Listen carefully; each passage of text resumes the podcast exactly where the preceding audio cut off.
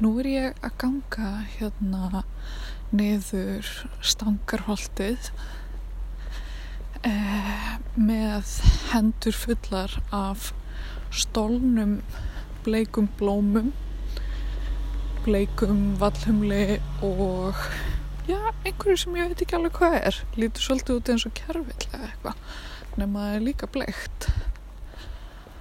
Og Ég er á leiðinni að fara að banka upp á hjá vinkonu minni, henni Móu. Og ég sé strax Kókó situr þarna og býður eftir mér. Psst, hei, halló. Nei, þetta er Grettir.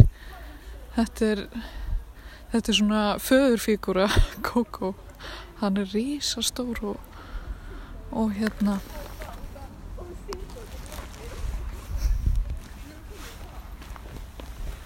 Þannig er ungdómurinn líka dóttirinn að mói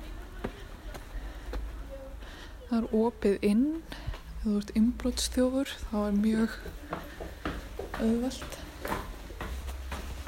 Hæ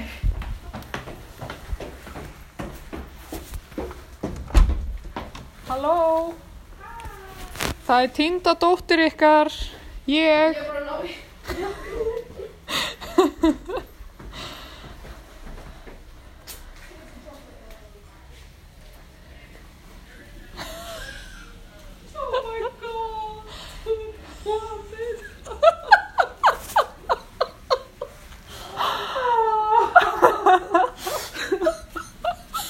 Vá, ég fatta núna hvað ég er búin að sakna þín.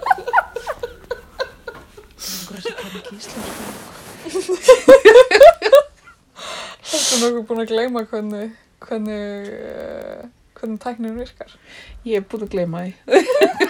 Bara, sem ég segja alveg satt, sko. Þetta er nú eitthvað eðlilegt alveg með aldrinum sko. Já, ma- ég- maður er- þarf að vera ófeimin við að horfast í augu við. Já. Það er ekkert þetta að sprauta botóksi í heilan, sko.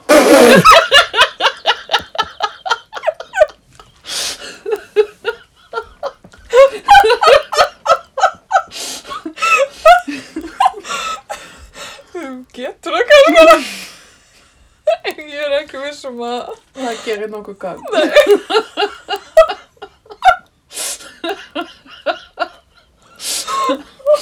Heyrðu, bara að það er sumar og þú ert hér og þú ert sumarkist af sólinni. Já, ég er í háleinilegri ferð til Reykjavíkur. Veit enginn að ég er í Reykjavík. Og þetta er algjört surpræs. Mm. Alveg bara, vá. Vá. Því líkt hvað við erum heppin. Þú og Hlustendur.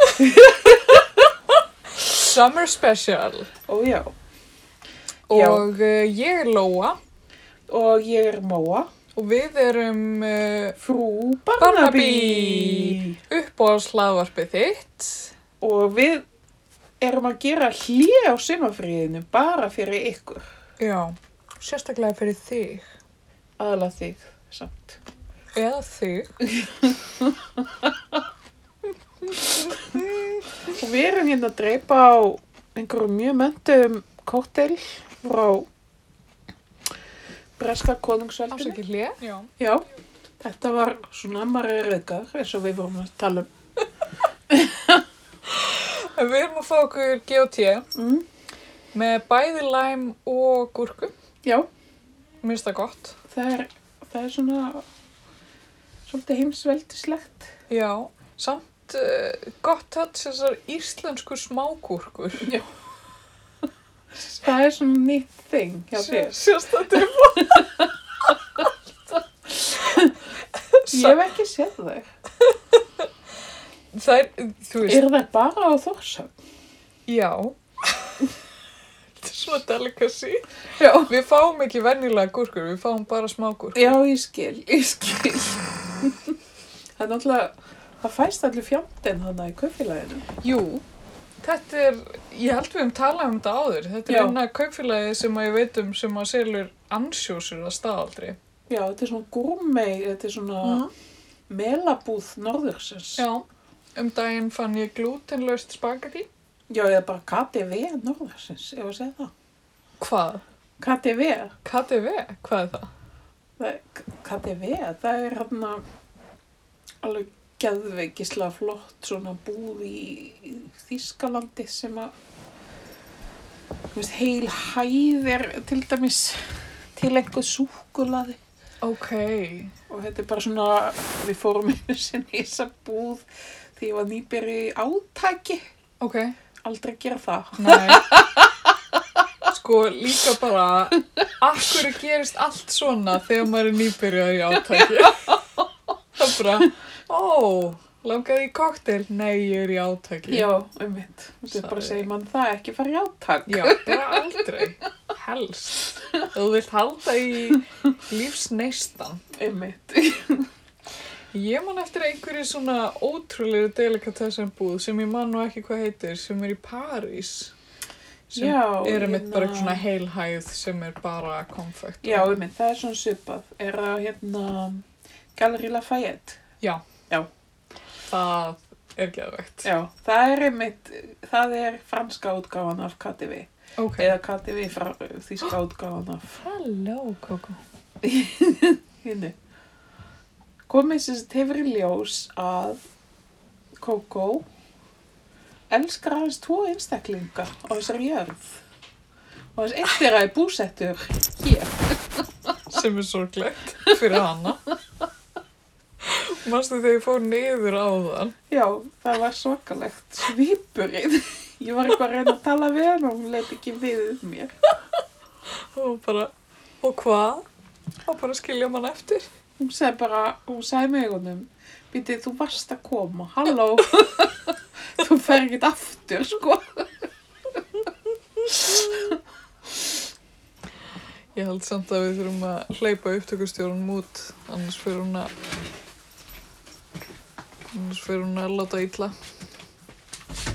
býta mig í fótinn og eitthvað Sjúp, sjúp. Já.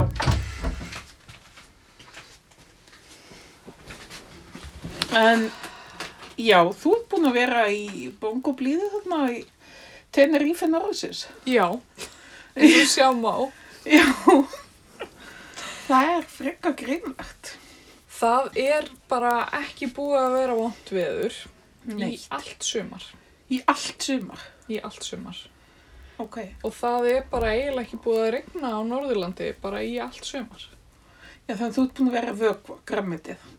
bara rosalega mikið Ok. búin að þurfa að vökva mjög mikið og hérna, það, það er endar eigum við að byrja að tala um matjúrstakarana Já, en ég, ég þarf að eins og að setja á pásu. ok já, Móa þurfti aðeins að segja ungleikur um að hætta að halda reyf Þetta er daglegt breið hér.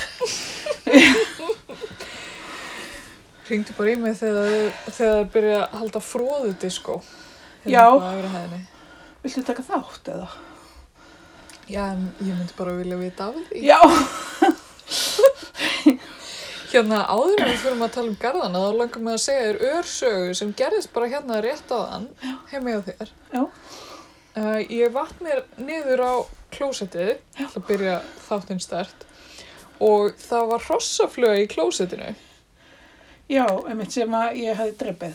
Nei, hún var lifandi. Ó, Það var lifandi hrossaflöga og ég hugsaði hvað á ég að gera og ég ákvað bara að pröfa að pissa bara í klósettið.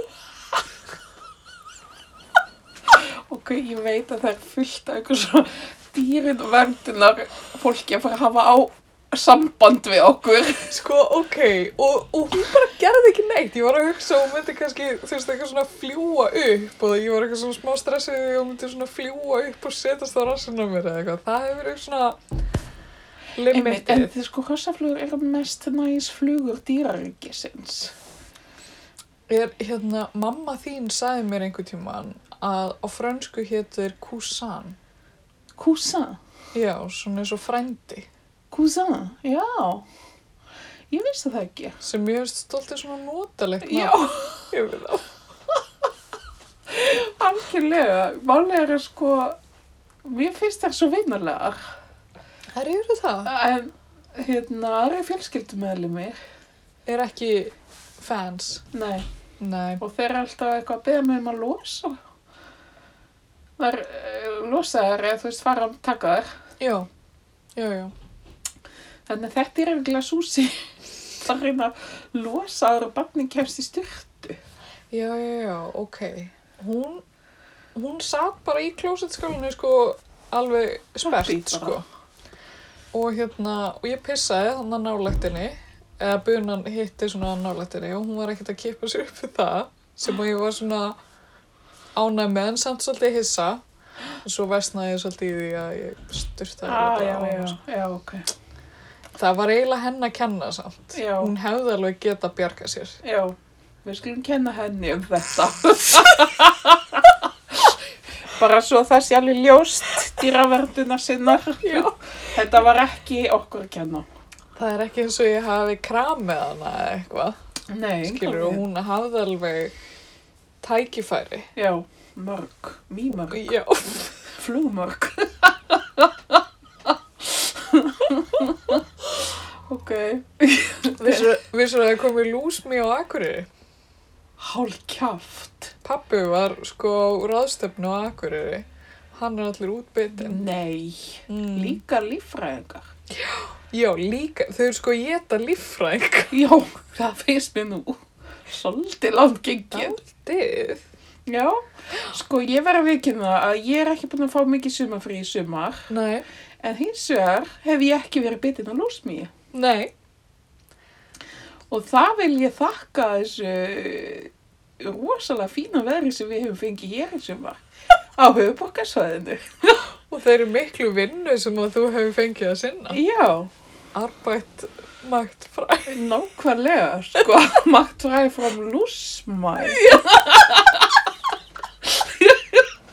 Við erum svo NPC hvað það á að vera á. Sem sem þetta slá alla bara strengi. Já, hvað, þú veist, við hefðum líka geta verið með eitthvað svona mjög OPC brandara með þegar hún tala um gúrkunar. við hefðum alveg geta farið þánga. mitt og guð.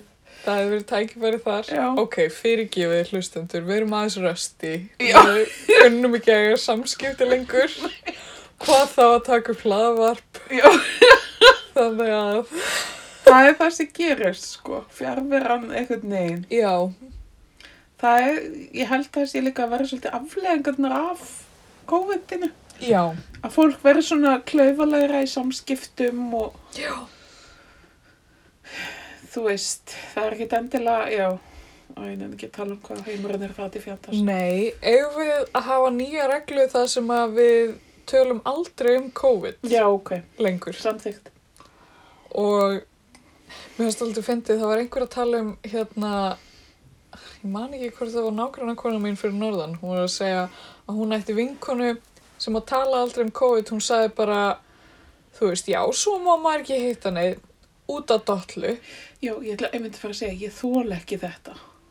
já, Sorry, en það er þetta, það er fólk á mínum aldri sem Já. er að segja þetta. já, Út af dottlu. ok, fólk er að segja þetta, Já, og ok, ég áhvert, bókstaflega fæ græna bólur þegar segir út af dottlu.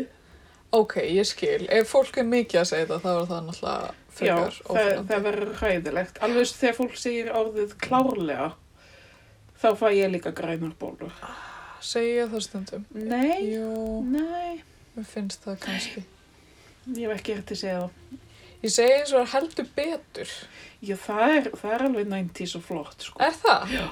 Ég var, s- eh, svona, um daginn var ég bara eitthvað, akkur er ég alltaf að segja þetta? Þetta byrjaði kaltænislega og núna er ég bara að segja þetta. Já, það er mitt oft þannig þegar maður er að gera eitthvað grín. Ég þetta byrjaði líka kannski eitthvað svona út af því að þú veist maður alltaf vinni í svona þjónustu starfi og það er svolítið mikið að tala við eldra fólk og Já. þá er maður svolítið dettur í karakter og svo verður karakterinn eitthvað svona grín hjá Einmitt, já, manni já, já, já. svona, já, Ég sem minnum á það að ég, það er eldri maður sem kemur að safni já, sem er bara dásamlegur. ok, og hann kom í dag og bara, bara eitthvað sæl og blessu það er bara allt einhvern veginn við hann sem er Ó. svo dásalegt og hann var að segja mér það að hann var búin að vera giftur konni sín í 65 ár Holy shit. nema hún var komin að allir heimili Ah, já. og hann þyrfti að, og hann kæma heimsækjan á hverjum degi Já, gæti sem þetta ekki séð um hana nei, nei, nei. Ég, þetta var eitthvað svo fallegt allt saman Nó. En Rómó. já, mjög Ég var einmitt hjá afa mínum í dag, hann er einmitt, sko, amma er á ætla heimili Já. og hérna, hann býr núna einn, bara í fyrsta skipti einmitt, bara, er hann bara einn og hérna, ég fór hann yfir með rækjusamlöku fyrir hann og hérna, keipti mér líka túnfiskrendar fyrir mig, sko og hérna, hann er rosalega nójaður yfir dollu já er þetta stríða mér? Já, ég er skriðið. En sko, afi minn, það það liggur við að hann sé einn heima með grímu. Það er svona, ó, hann er svolítið þarna. já, ég skil Og hann náttúrulega vill ekki eiga á samvinskunum líka að fara með COVID inn á deildina hjá emmu. já, ég skil Og hérna, sem ég skil vel og bara, og vill ekki fá þetta sjálfur og allt það og bara mjög skiljanlegt.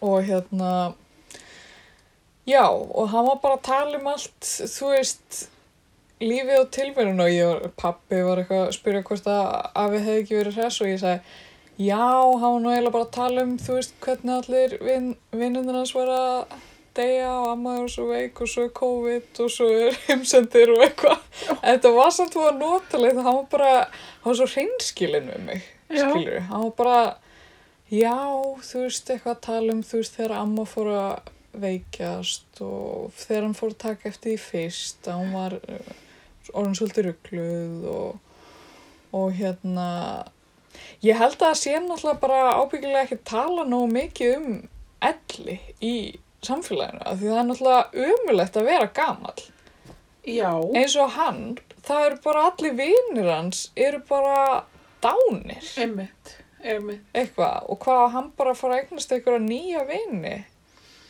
núna já, já eða eitthvað Ég, ég er svo heppin, ég bara sapnaði mér svona n- ungum vinum. Eins og til dæmis þér. er það með ráðum gert Já, svo þú sjálfsögðu. þurfur aldrei að fara inn og jarða fyrir Svo bara endin ég. ég. Ah.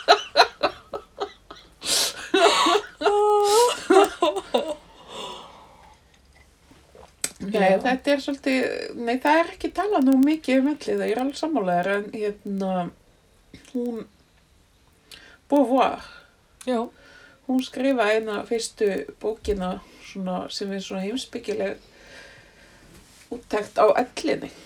ok sem ég reyndar ekki lesið sko mm. en ég, ég ætla að gera það í ellinni held ég bara bara á þess að sem sagt, bara þess að félagslegu svona já, einmitt hérna allt við það sko já, einmitt en matjúrtakarðurinn já, talandi um það Já, það er ekki í ellinni að- fyrir að fara þar. en þú veist hvað þið segja sko með garðirkju að maður er ekki að stunda garðirkju nema svona til framtíðar já, já, já. þú veist, maður er að hugsa garðin sinn svona eitthvað tíu ár fram í tíman eitthvað svona nákvæmlega.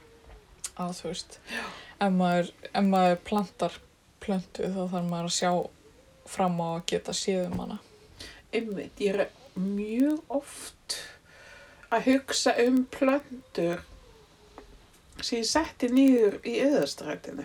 já, Svona að hugsa til þeirra. já, Svona með pínu söknuði bara. já Á, geitaskeggið, hvernig ætli því líði núna? hugsa ég.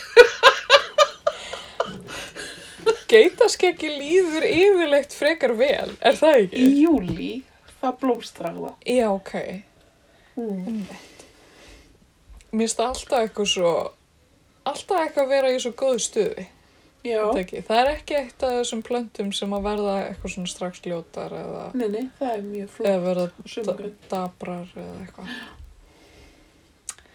Já. Já, Emmi, það er þetta er langtímaplan sem er ágætt vegna þess að ég er bara búin að lenda í þvílíkum remmingum með matjartagarðunum minn í löðalunum í sumar.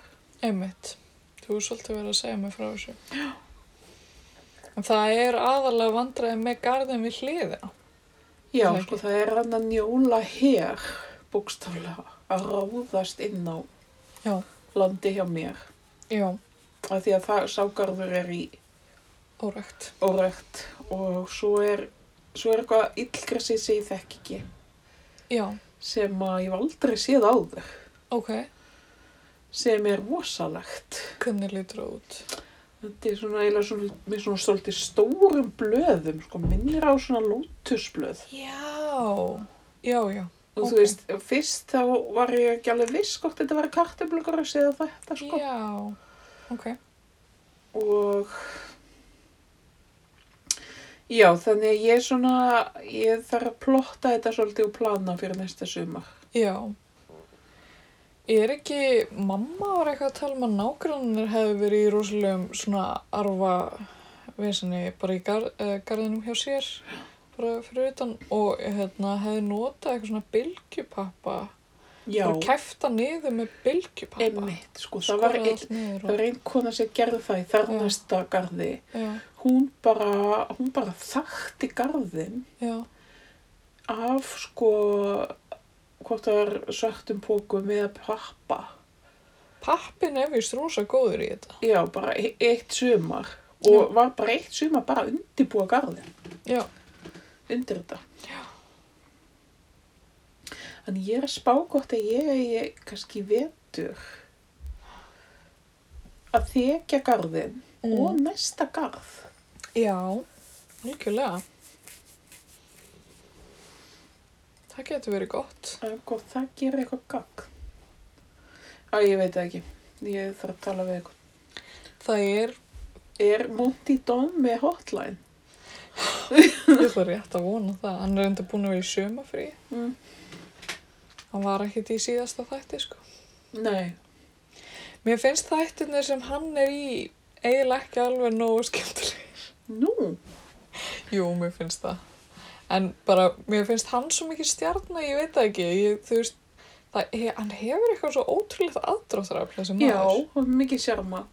Af því að þú veist, ég horfa á hann, mér finnst hann ekkert eitthvað svona, mér finnst hann ekkert eitthvað svona ógeðslega myndalegur. Eða þú veist, neitt Nei, já, eða þú veist, já. jújú, jú, hann er alveg myndalegur en þú veist, það er bara eitthvað eh, eitthvað svona eitthvað svona ára Já, ég veit gott við. og ekki eitthvað að hann sé eitthvað hot eða þannig, það er bara hann er svo vingjartlegur og þú veist, mann bara langar að vera í kringum þessa mannesku Sammála. eða þú veist, Mér finnst Kannski það er- bara pínu hot, sko. jú, jú hann er það alveg líka sko, þú veist, hvað er hann gamall mér finnst hann bara vera að halda sér frekar vel eða þú veist, Já, hvað er hann gamall? Vorum við ekki búin að kannski googla þetta? einhvern tímann? Jú, líka stelp. Mér finnst allavega eins og þetta væri eitthvað sem við hefum googlað saman. Já, en hvað segir um þinn? Þú ert ekkert að berjast við neitt ílgræs, er það? Nei, við náttúrulega endur nýjum eiginlega moldina, eða þú veist, jarðveginn alveg. Já, og hvert sáttu þið móldum? Sko, þetta var eiginlega smá bast út af því að hérna, við vorum kom, komin á hérna, slóð á Moldu en hún var á Húsavík. Já. Það var einhvern veginn ekkert svo gott að ná í hana þar og við þurftum að grafa svolítið hún í jörðina og við vildum ekki hafa, þú veist, nota jarðveginn sem var út af því að það var svo mikið að rótum að allskins illgrisjá Já, já, já. í honum uh, og ein hestaskíturinn neila sem við komumst í var mjög nýr Já. ekki svona það, það sem er best uh, besti hestaskíturinn eða þú veist dýraskíturinn til þess að nota í svona er þú veist ef hann er hann svolítið gamall Einmitt. og helst þú veist tveggjara, þryggjara eitthvað Ah, ok. þú veist það er svona langar mér svolítið að sko taka hestaskít núna og grafa hann einhvers staðar og þú veist koma að hann einhvers staðar einhvern tímanum næsta ári Já. um, Það geti verið samt svona svolítið dulafullt ef þú ert eitthvað svona með að nóta, grafa, hestaskýr. eitthvað stað á lóðinni. Já, já. Hvað heldur að bændinni myndi segja? Um, ég veit það ekki, þeim finnst við voða... kakami. Möndlukaka? Ég Já. veist ekki að vera til svona litla. Mér finnst það svo sætar. Mér líður eins og ég sé risi að Já. borða venjulega möndlukökur. Nákvæmlega. Þessar heita smáar möndlukökur. Þetta var uppáhaldið hans afa líka. Er það? Mér finnst það svo æðislega. Ég fór einmitt með uh, þennan pakka af möndlukökum til hans afa aðan og hérna, hann vildi ekki þykja. Mm. Hann hann var svo sattur eftir rækisamlökunum. Já. Þannig að þú getur þakka af mínu Já. fyrir fyrir bytta. en hérna, en já, þannig að, þannig að við þurftum svona smá að mixa þetta með, með jarðveginn. Þannig að við hérna notum svolítið að bara jarðveginu sem var eh, og blönduðum smá að þessum bara ferska hestaskýtt úti Mm. sem að þú veist, það getur verið svolítið matts fyrir plöntur en já, og svo blönduðum við þú veist, við fundum já, það, þetta var bara svona sitt af hverju svolítið Ókei. jarðvegurinn. og hérna ég held að þetta hafi bara gengið ákjörlega upp en hérna þegar við vorum að smíða kassan og hérna grafa grafa skurð eða þannig fyrir þessu í upphafi þá var sko ennþá frost á langanessi Já. uh, í júni Vá. og uh, þegar ég keipti sumarblómin þá var svolítið gott veður og hérna við fórum yfir á Akureyri og það var svona ágætis veður og ég hugsaði jæja ok, ég, ég kaupi sumarblóm og eitthvað og eitthvað og hérna tek bara séns á því og svo fór að snjóa Já, hann er kringum meðan mánuðin. Já, og hérna þegar við vorum að keira á vestfyrði held ég 15. júni þá snjóaði mikið, já. snjóaði mikið á okkur á leiðinni þannig að hérna, við vorum eiginlega ekkert, ekkert með svo mikla væntingar varðandi garðin Nei. þetta árið og hérna og ég saði svona í upphafi verkefnisins að þú veist við allavega setjum þetta upp núna og þá kannski getum við fengið einhverju uppskýru á næsta ári Já, já, já. eða eitthvað út af því að þetta var eitthvað orðið allt svo seint og eitthvað og við enduðum náttúrulega á því að setja ekki niður neina kartublur eða neitt svoleiðis það voru Nei. allt og seint fyrir það og það var líka bara búið að vera svo kallt og svona en hérna en við settum niður bara heil mikið af við settum rauðróur og eða svolítið af þessu forræktuðum við og svolítið af þessu settum við beint í jörðina Mm. og vorum svona svolítið að gera tilraunir með þú veist hvað væri að virka og hvað ekki og, og hérna erum búin að uppskýra eina mjög góða uppskýra á ratísum Mm. regnbúa ratísum Næs.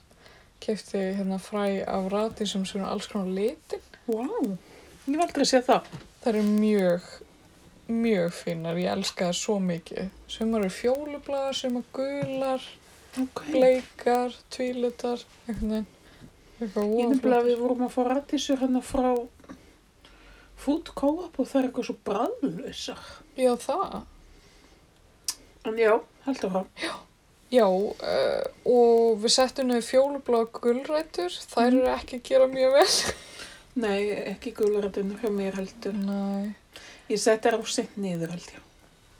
við líka sko og hérna, og ég fattaði núna að hérna, hefði sennilega átt að vera með akrildug yfir þeim líka lengur. Já, já, já, ég líka.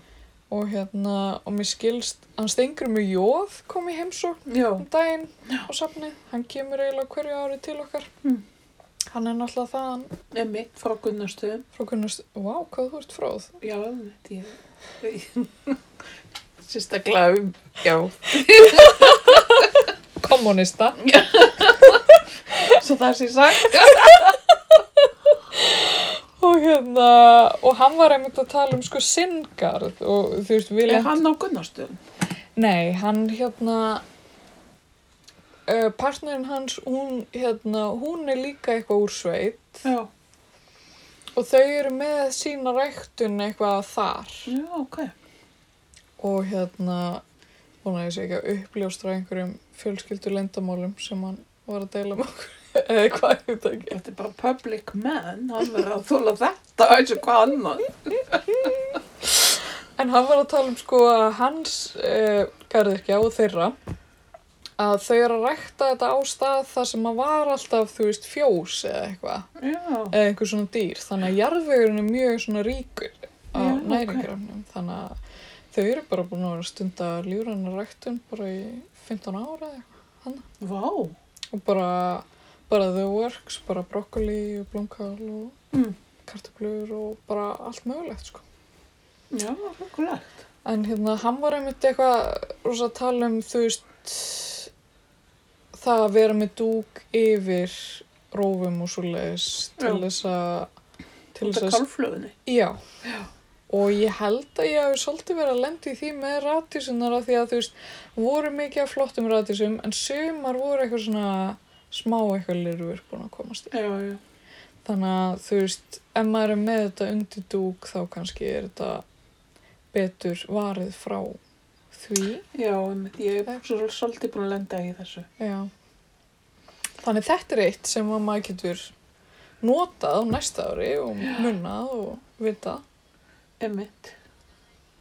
Mér finnst þetta nefnilega svolítið skemmtilegt, þú veist, ef eitthvað fer úrskeiðis það er svo gaman eitthvað svona að finna út úr því. Og ertu þá að skrifa þetta niður? Ég er með svona litla bók. ég er búin að skrifa niður ekki alveg religiously, en ég er búin að skrifa niður, þú veist, til dæmis aðtöðasendir fyrir næsta ár. Já. er smá dálkur hjá mér og það eru sömur hlutir þú veist sem ég ætla bara að sá beint onni í jörðina og Einmitt. ekki forrækta eins og spínat það er búið að ganga mjög vel að rækta það bara frá fræi ég er með svona smá partagarðinum sem er undir gleri og að setja fræi bara beint í jörðina hefur bara virkað mjög vel Já, já, já. þar og eins svona beðja, svona tjart uh, það er bara búið að ganga mjög vel að rækta það frá fræði bara beint í beðið Já, einmitt, ég setti það allt beint í beðið hérna fyrir utan. og mér langar líka á næsta ári að vera með hérna tjart sem að er svona alls konar á litin eins og hjá Food Co-op Já, og það er, ertu ekki með þannig? nei ég er bara með þú veist bara eitthvað svona grænt, eða þú veist Ó, ok. Ég, ég einhvern veginn held að ég hefði keift hann að regnbúðalita af því ég kaupi alltaf regnbúðalita Að ef það er sjálfsögðu. hægt. Þú veist, hver fellur ekki fyrir því? Ég, ég er með gula rauðar og alls konar. Já, emmitt. En ég er búin að vera að elda alls konar upp úr þessu, þú veist, Já, herru, þú var reynd til að gefa mér uppskriftir vegna þess að ég er bara með ofvaksið beð hérna úti. Ég já, veit ekki hvað að gera við þetta. sko í, Nefna fyrir þetta að setja í salat.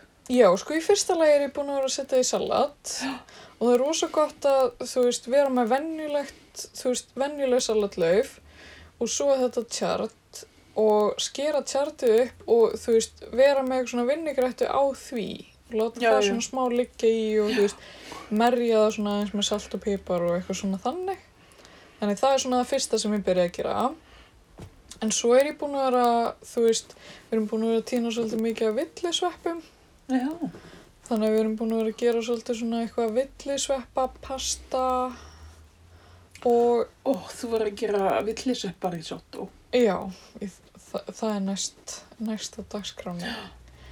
Og hérna, þá er ég búin að vera, þú veist, setja það, tjardið svona með í því, Ok, setja það bara svona síðast í, blanda því saman við og þú veist, þannig að segja þá svona grænt og litinn og fallegt og gott.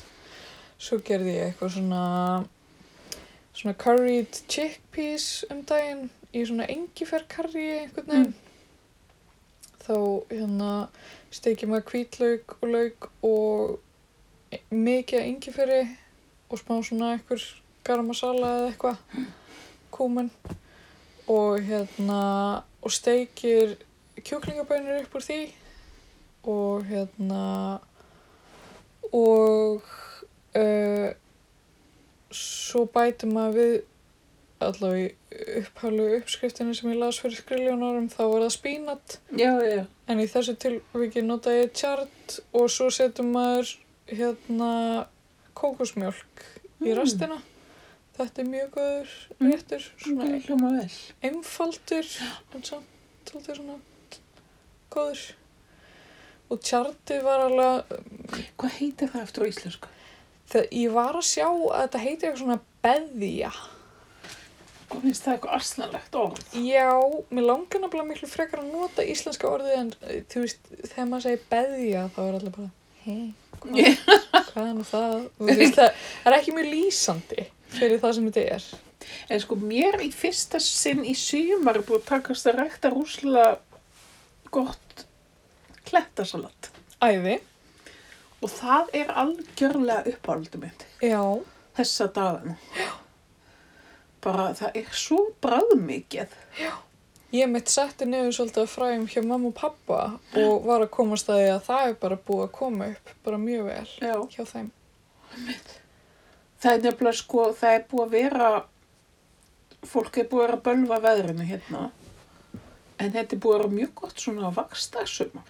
Já, Fyrir utan jarðbyrn. einmitt, Það fór allt í fjandans í þeim hjá mér. já, En hérna, og ég held að sé ekki mikið að berja. nei, einmitt. Ég á eftir að tekka því samt. Það eru rosa mikið af blábyrjum hjá Laxá í rétt hjá Húsavík. Í aðaldal. Já. Aðalbláber. Ah.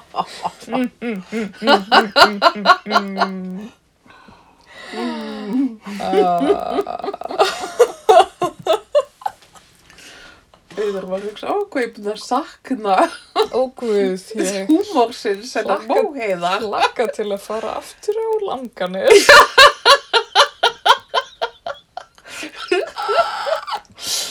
Ó.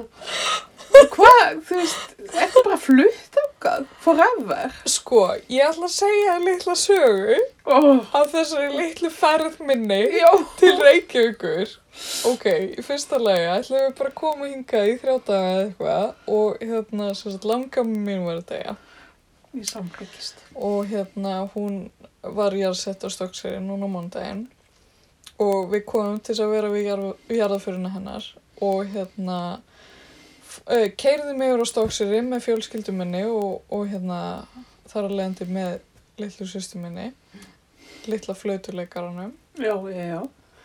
og hérna og, og bara eittum mjög fallegum degi þarna í eh, kistulagningu og útför hjá hérna langumu og vorum bara þarna með fjölskyldunni á Stokkseri og kerðum svo svolítið um Stokkseri og sáum húsi sem að langama fættist í og fristihúsi sem hún var alltaf að vinna í og, og hérna húsi sem hún bjó lengst af í og hérna bara allt rosa næs og og við reyndar fórum um kvöldi hérna, endum daginn á hérna, Kentucky Fried af því að langama mín elskaði Kentucky Nei, það var sko uppáhalds í matur alvöru.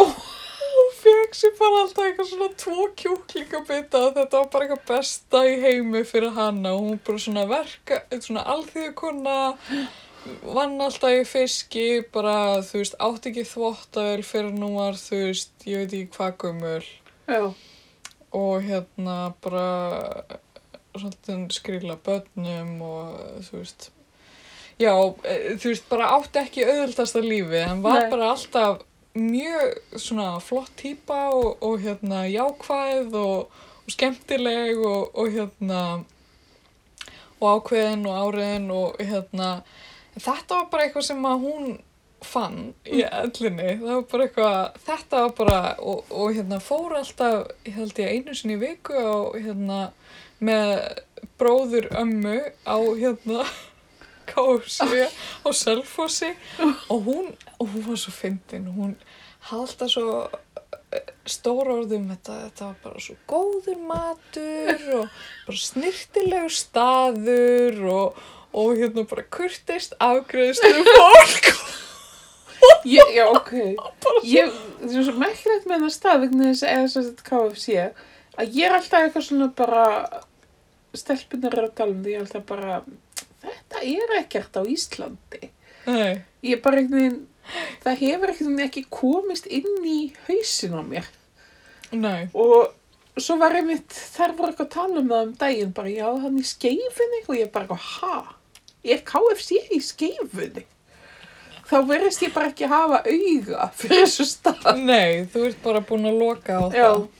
skrítið En þetta var sem sagt, við, við fórum þarna og hérna, fengum kvöldmáltíð til að heiðra minningu langumu og, það er fallegt og bara þetta var mjög góðu dagur en svo hérna í lok dagsins þá hérna kemst Ástíð sýstir sem sagt að því að allir vinir hennar voru komin í sóttkví Ó. og bara fullt af fólki sem hún þekkti kom með COVID oh my god og þar á leiðandi meðlegandi hennar og hérna þannig það setti svolítið svona strikireikningin fyrir þessa reykjavíkuferð sem átti að vera svona smá sumafrí fyrir Já. þetta safnastarfsmenn er fólkið Já Og hérna Og þannig að við sem sagt eigum gert einu svona svolítið í, í limbói um hvort við eigum að vera hafa okkur hæg og, og hérna mamma var að vinna heima og pappi var einhvern veginn kominn á ráðstöfnu þannig á Akureyri og mjög tvísýnd um hvernig hann myndi komast tilbaka eða hvort hann myndi komast Ó. tilbaka eða hvort hann myndi vera í tvekja hvernig sókvíð, þú veist á Á- Akureyri og, og það, þetta var bara eitthvað allt í ruggli og hérna Starki hafði eitthvað alltaf að fara í, í golf með ömmu sinn og afa og það var bara rigning og allt í ruggli og hérna maður náttúrulega ekkert að fara að hitta um og afa líka eitthvað nei, nei, með svona einmitt. já, og hérna ok, svo, svo er sýsti mín ekki með greinist hún ekki með COVID-19 sjúkdóminn ok, guðsulof og hérna sem betur fer fyrir frú Barnaby fyrir frú Barnaby, annars værum við ekki hér Já, stjórnunar röðuðu sér rétt upp í eitt skipti. þannig ég fer þarna út í heiminn í morgun og hérna er svona búin að dansa út í ögulinn þarna aðeins þú veist, Fölum manneskinni. Já, næstu ég búin að fá COVID-19 sjúkdómin eða eitthvað og hérna og á hérna góða rækjusamlöku með honum afa og hérna svo er ég að labba bara að ætla að fara í krónuna í nótunni uh, og hitti vinn minn, hann loga á leiðinni og við erum bara að spjalla og ég bara, guð hvað er gaman að vera í Reykjavík og rekast svona á fólk og Og hérna, svo erum við bara eitthvað að lappa þarna að miðtúninu eða þarna Já, í túnunum. Já. Og, og þá er þarna eitthvað mjög ölvaði maður, mjög svona illa útleikinn og svona eitthvað voðalega sjúskaður á því og, og fer eitthvað svona, er eitthvað svona að æpa á allt og alla og, og hérna ég ákveð kannski að við logið ættum kannski bara að lappa hinum ef við göttuna, þá fer hann að æpa á okkur já, og hérna og fer svo bara að s- þú veist bara eiginlega áreita okkur ó, og hérna svona borg óttans bara. Já, þetta var sko, hann, hann var eiginlega svona, þetta var eiginlega svona, æ, þú veist, hann var að segja svona eitthvað, ljóta svona kynferðislega hluti, Já, já, já. skilur þú veist, um, þú veist, að því hann hjælt greinilega að við varum par og Já, eitthvað og, og þú veist að, Já, já, eða skilur þú veist, og ég var bara þarna bara eitthvað að reyna að heyra ekki það sem maður var að segja þú veist, um hvernig við ættum að gera það og, og alls konar, þú veist, bara eitthvað svona var að Var þetta bara eins og hún væri komið til New York? Ég, ég var bara eitthvað, ok, ég var bara næstu í lent hérna í, í heimsfaldri og svo, og, og svo er bara verið að eitthvað verbali að bjúsa mig út á götu, Já, einhver maður sem ég þekk ekki og þú veist, þú varst bara næstu búin að ringi starka bara. förum í sveitina núna. Já, bara, þú veist, við getum alveg kent í grunnskólanum og þó sem, skil. Bara, ég, við þurfum ekki þetta. Og ég bara, ég, ég hugsaði bara, vá, hvað er langt síðan ég hef verið objectifæð svona ótrúlega hart út á götu af manni sem ég þekki ekki raskat.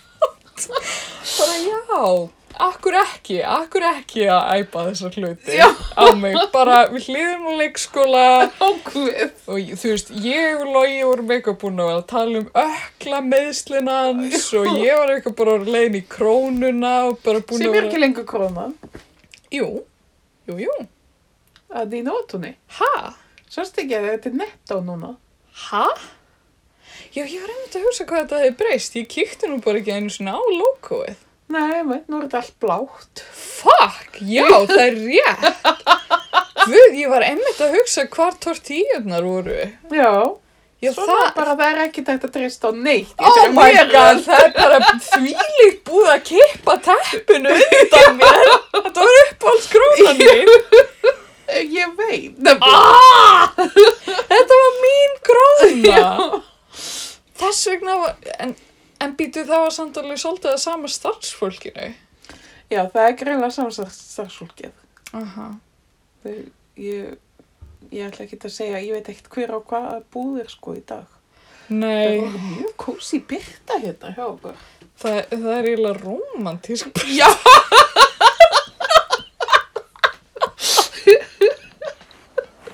Maðurinn hann út á götu, kannski gefur. Já. Ah, já, þetta var sem sagt svolítið svona absúrt dagur, eitthvað. Eða þú veist, já, ég, já, ég, mér varst þetta, já, þetta var náttúrulega ekki næs, skilur Nei, Þú veist, nei, nei. það er, maður getur endalegst hleyjað svona og, og veifa svona burtið, en það er svo ógeðslega ömulegt að lenda í svona, samt.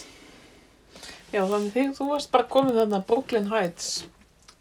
Eða Já, ég, Bronx, ég, meira. se- ég segi það nú ekki, en Nei. þetta er búið að vera svolítið bara, svolítið mikil Reykjavík hérna á, á stuttum tíma.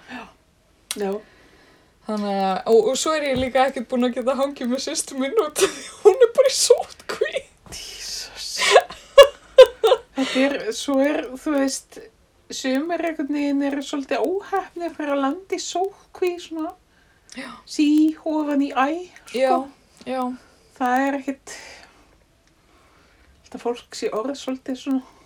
Æ, ég veit ekki. en þú getur þetta haldið áfram svona að fólk þurfa alltaf að fara í endaleg sótkví. Úff, Ég bara, ég vil, veit ekki, ég veit ekki neitt, sko. Nei, en við ætlum ekki að tala um þetta. Nei, við ætlum ekki að tala um það. Talandi um það? Hef ég tíma fyrir pissupásu að hann gerir hljóðafettin? Já. Díana vatni bitinu við. Ég var að hugsa svona sem eitt heit fyrir hérna nýja seríu. Já. Hvort við ættum að hægt að nota sko hljóðaeffektana í hérna í appinu og byrja að gera þá sjálfar. Ok. Barararararam. Díana vatni. Ættu þá að spáði út af því að það er organískara eða? Já, bæði. En svo er, þú veist, eins og einhver glöggur hlustandi bent á, þá er sko hljóðaeffektarnir eru svo miklu hærri heldur en upptakan. Já. Það er svona óþægilegt fyrir fólk. Já, þannig við erum að hugsa um hag hlustenda eins og venjulega. Já, eins og alltaf. Já. ok, gera það þá. Barararam! Díunuhotnið. Díana vatni. Já. Þetta var skemmtilegt. Já, þetta getur verið skapandi. Já, þetta er líka svona, já, creative outlet. Já. Skilur þau? Gott, mjög gott. I'm all for that. Já. Það er margt sem er að gerast í díunuheimum. Já, eh, getum við byrjað að tala um eina ljótustu styttu sem ég hef á æfi minni séð. Hún er felleg. Hún er bara svo, hún er bara svo ljót. Byrjum frá byrjun fyrir hlustendur sem er ekki alveg inn í málinu. Harry og William kommissionera styttu. Já, Uh, býttu, ég las nokkar greinum þetta og þessi listamaður Þetta er bara einhver lási listamæður. Nú, ok. allavega hana, þeir gerða út af því að hún hefði orðið. Já, Hvað hefði hún orðið í sumar? 60. Eða, sit- nei, 60. 60. Manna ekki. Jú, það hlýtur að vera, Er 60. það ekki? Jú, passar. Um, já, Og, og, og eigum við að lýsa skuldurnum? já, Þetta er Diana, full 80s, já, langar maður að segja, sem sagt fyrir skilnað. já, með herrapúða. Já, Umkringt þremur bönnum, já, eitt, eitt falið, eitt er aft, fyrir aftan hana. já, Um, tvö henni við hlið, já, hún er í pilsi, langar maður að segja. Og með svona stórt belti. sko, mér, þessi fyrsta sýsla er með, minnst þetta er svolítið kids.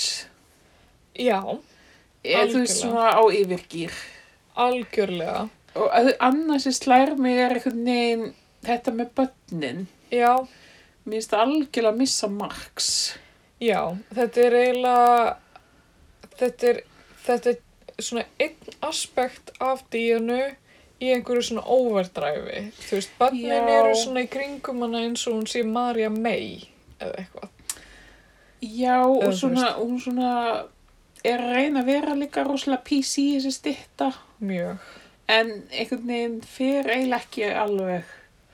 Fer Nei. einhvern veginn í hinringin, finnst mér. Þetta eru líka öll heimsins börn. Já. Eða held ég að, að hérna börnin representari, þú veist, bara öll börn. Já, Þetta er engin, þetta er ekki, ég var að tala um einhvern sem hjælt kannski að þetta væri, þú veist, Harry og William. einmitt, það er mjög margir sem halda það og eru bara eitthvað, já, en þetta er ekkert líkt þeim. Já, Og er einhvern veginn enginn svona að lesa greinina eða neitt og eru Nei. er ekkert að spá í þessu og bara Nei. eitthvað, já, byrju, rosalega er þetta eitthvað ólíkt strákunum. já, Sjá ekki annar ennur stelpa og já, allavega nú. já, já. En já, mér finnst þetta, æ, ég, ég veit ekki, og svo, En svo er líka bara, þú veist, það er ekkert, náttúrulega, eða þú veist, það er, í fyrsta lagi er þetta svo óáhugaverðu skuldur. Þú veist, og, og þetta er náttúrulega stytta. Maður myndi nota það orð, þú veist, þetta er stytta. Þetta er svo óáhugavert, þú veist, uh, það er ekkert experimentation í gangi, Nei, þú veist, nei. þetta er ekkert eitthvað svona modern, það er Nei. ekkert, þú veist, eitthvað svona nýtt og ferskt náðum við. við þann hlut og svo líka áhugavert að gera svona skúldur af mannesku á tímabili sögunar þar sem að fólk er rosalega mikið að snúast gegn svona stittum af einmitt fólki. Já, einmitt. Og talandi um það að sem sagt, margar af svona hetjustittum, Já, ef, ef ég mann kalla það það, já, innan gæsla. ef flestar örgla er af einhverjum herfóringjum, Já, er af kallmönnum, já, þú veist, bara svo Jón Sigursson hérna niður frá einmitt. og hann allir eh, kongarnir hann Mm og, og ég man ykkur tímann þegar stelpunur voru litlar og þær voru að segja akkur engar, stelp, engar eh, hérna, stittur af litlum stelpum eða eitthvað. Já, já, já, Akkur engar stittur af stelpum sem eru að fara í skólan eða eitthvað svona. Já. Og þú veist, ef það eru stittur af konum, þá eru þær yfirleitt nartar. einmitt. Þannig, þú veist, þetta er svona, Þetta er svolítið vandamál listasögunar. já. E Stitturnar eru eitthvað svo passei, Já, þú veist, við viljum ekki lengur stittur á herfóringjum. nei, auglúslega ekki. En viljum við endilega stittur eitthvað svona, ég veit það ekki. Nei, þú veist, af, ko- eh, konur auðvitað getur hetjur, en akkur er, er, var þetta svona úgeðslega kitsaða snart. Ég veit það ekki. Ég sko, hérna las mjög skemmtilega eldri grein uh, af Guardian núna um daginn sem að einhver skrifaði. Man ekki, man ekki alveg við hvaða tilefni en Sér, skrifandi var held ég bæði litaður og samkynnaður Já. og hann var að tala um, þú veist, ekki það að það skipti eitthvað brjálislega miklu máli fyrir greinina en hann var svona að tala um þetta út frá sér að, en hérna hann var með mjög aukakenda sín á þetta uh, út af því að það er náttúrulega búið að vera að taka svona stittur niður Já, uh, nýlega og, og sögulega af fólki sem að eh, sem að hérna, er einhvern veginn ekki að rýma vel við þú veist okkar gildi í dag til dæmis, þú veist einhverju svona herfóringjar sem að áttu líka þræla eða, Já, já. eða seldu þræla eða þú veist bara eh, eða voru bara abusive menn þú veist, von- vondu við konuna sína, drápa konuna sína, þú veist, bara eitthvað, you name it, Mhm. að hérna, þessi sem, sagt, sem skrifaði greinina vildi bara meina að við ættum bara að taka niður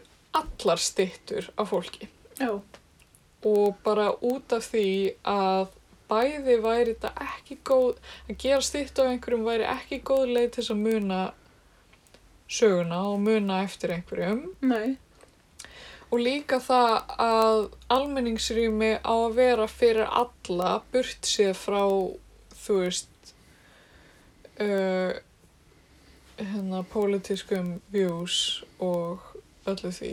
Að þannig að, þú veist, hann, hann var jafnvel að tala um, þú veist, það eru stýttur á Nelson Mandela og hann vildi bara losa sig við þær. Mm.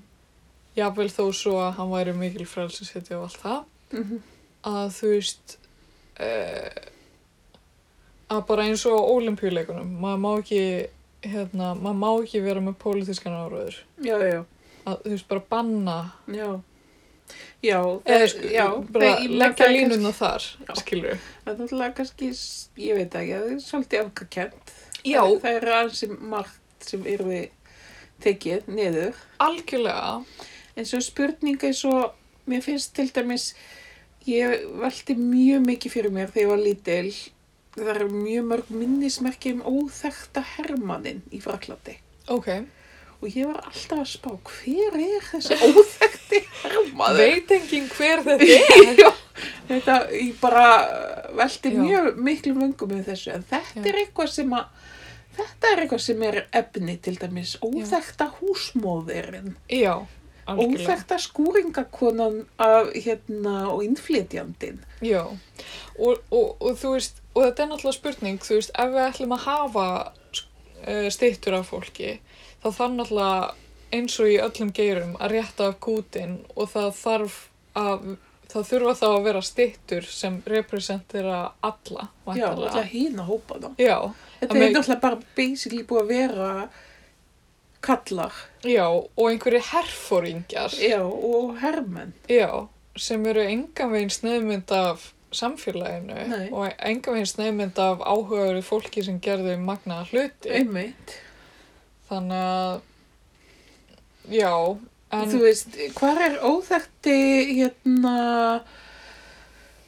podcast hérna óþekta podcastgerða konan óþekta podcastkerrakonan sem er eh, líka vinnur á bókasafni já, hún Ég veit það getur við ekki. til dæmis staðið þarna ég sé það fyrir mér á einistofni í miðjunni í miðju plöntu hafinu Já, og þú Þannig veist, að- halda þetta bókum í einni og svona síma í hinni.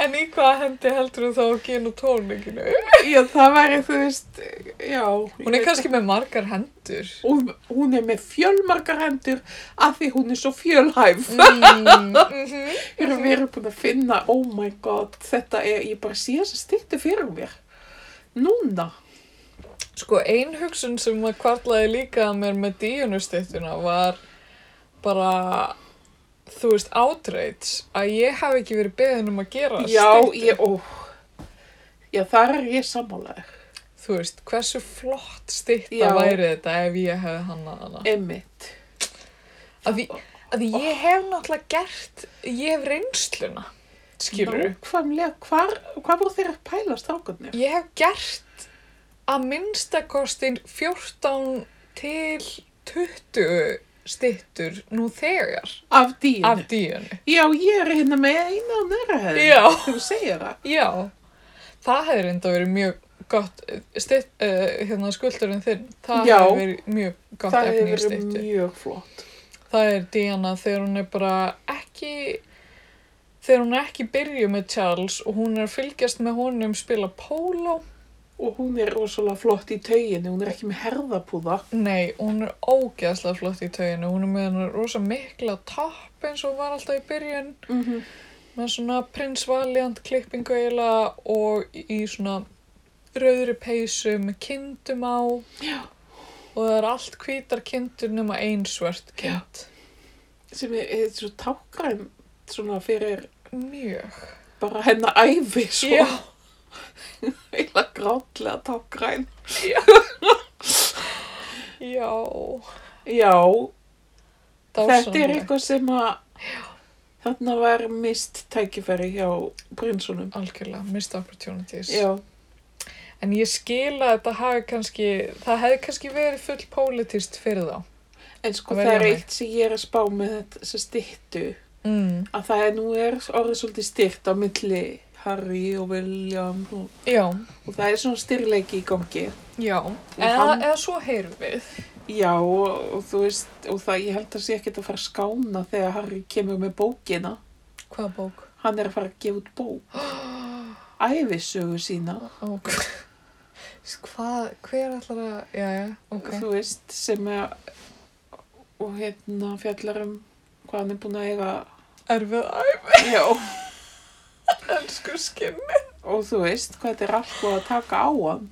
Blessaðan Ok. okay. drikki. Ég, sorry, ég, þú veist, ég hef, ég hef alveg samúð með þessu fólki, en eru Harry og Meghan svolítið að mjólka þess að það? Uh, já, þið er að því. En þú veist, þau geta kannski ekki annað, ég menna, einhvern veginn verða þau þjána peninga.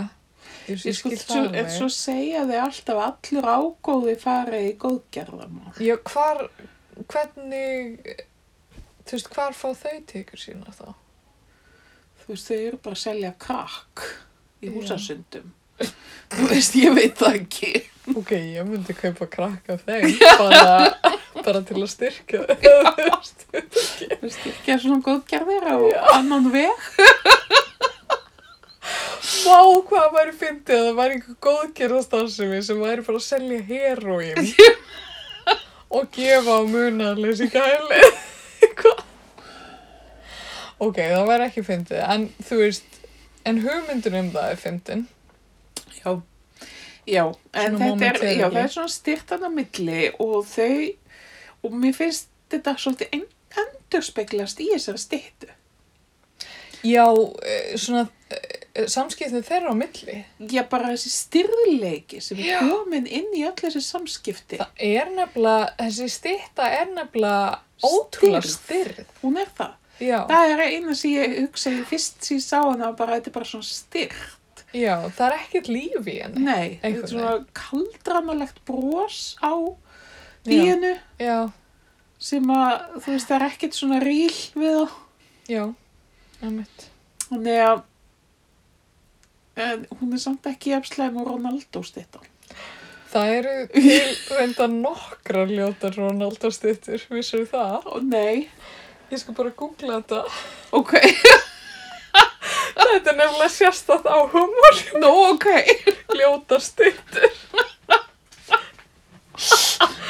Ok, Ronaldo stittan sem ég sá var hann á flugvelli held ég.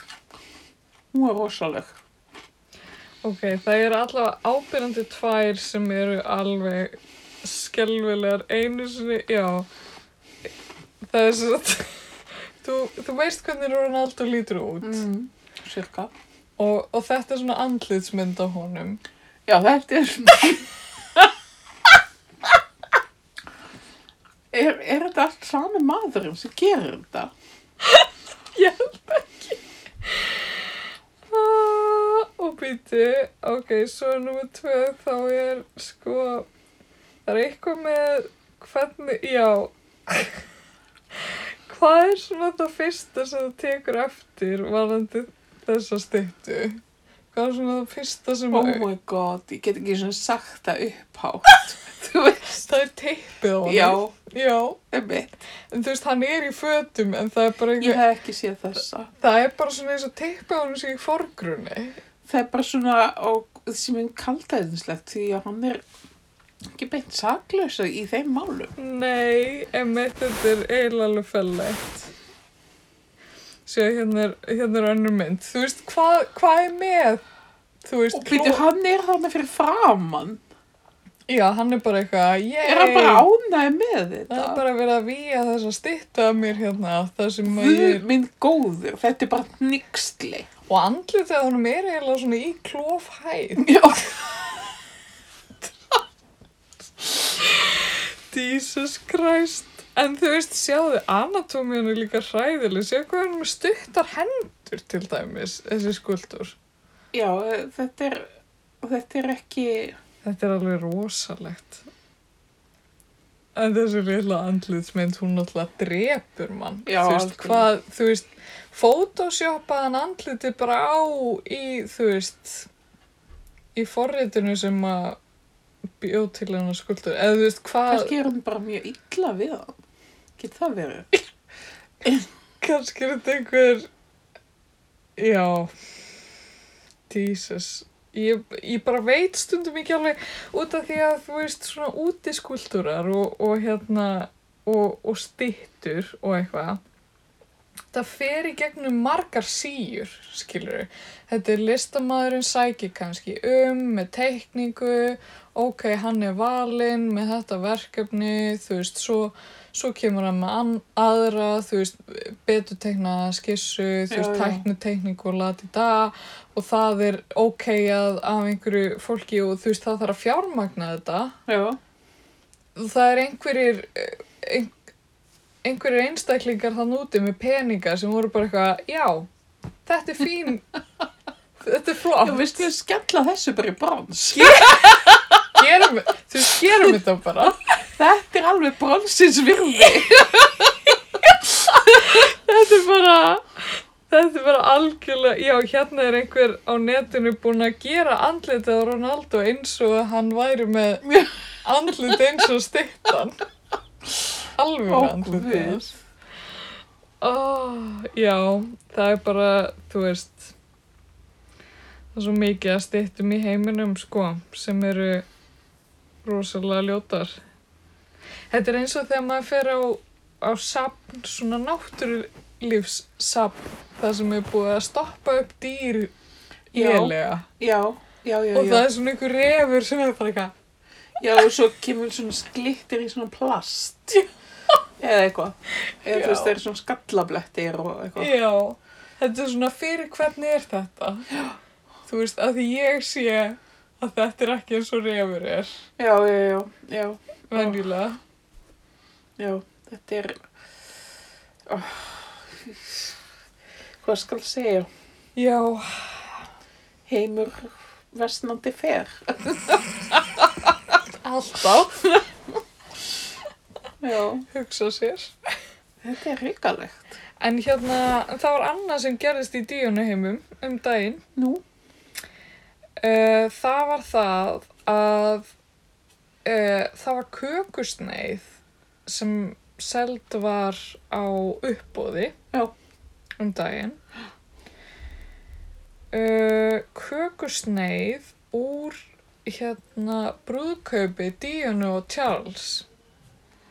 ok. Ég, Og var það þá bara gestur sem bara hugsaði, já, ég ætla ekki að borða þetta, ég ætla bara að setja þetta í vasan, fara með þetta heim og setja í fristi. Sko, ég veit ekki alveg, þú veist, að því mér finnst eins og kannski sé einhver svona hefð í Breitlandi og nú Já. Ég get sagt þér allt um það. hvað, hvað gengur að mér hérna? Sko, það, það, við náttúrulega áttum ekki til orð yfir því þegar við fórum í fyrsta badnaamalið með stelpunnar Já, Og svo hérna er það þannig að þú veist, það er bara geðugtaskrá og þetta er allt ógislega dýrt og þú veist, það er keiftur trúður, það er keiftur hestur eða whatever. já, Og svo hérna sér maður ammælskökuna. já, Hún er hérna til sínis og bara virkar rosalega flott. já, Nefna þegar maður er að sækja börnin, já, þá er verið að skera kökuna og krakkarnir fá kökuna og eitthvað svona póka með alls svona plastrasli sem er eitthvað svona gúti bak. goodie bag, já, Já, þetta var líka um alveg, og, og sko með kökunni. Kakan er sett í gútibakið, í servéttu, oft á tíðum. Og svo bara fara börnin og bara, og bara, þú veist, burt með kökuna. ha, Hér er svo kom við heim, stelpunna var búin að hlakka til að borða þessa köku og búin að horfa á hann allt ammali. já, Þá er þetta bara sko í flestum af þessum almalum.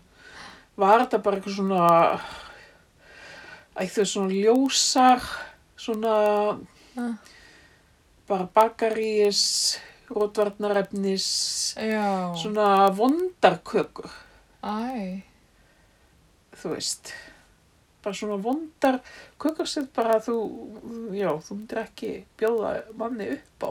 nei, ok, Þannig að ég man sko þegar við heldum ammali þá byggðum við upp á súkulegkökur sem hann gerir bara alltaf og á staðnum já, og það var, þú veist, það eru nokkuð börn sem bara, no, can I just take it home with me? wow, Og einn bara, ég ætla líka að taka fyrir bróðum minni eða eitthvað. what, Þú veist, það er bara, það er bara... ótrúlega skrítin, Þetta er svo skrítið. Þið bara borða ekki kökuna fyrir framann fólk. þú veist, hva, hvernig allir þetta hefur byrjað? Ég bara veit ekki.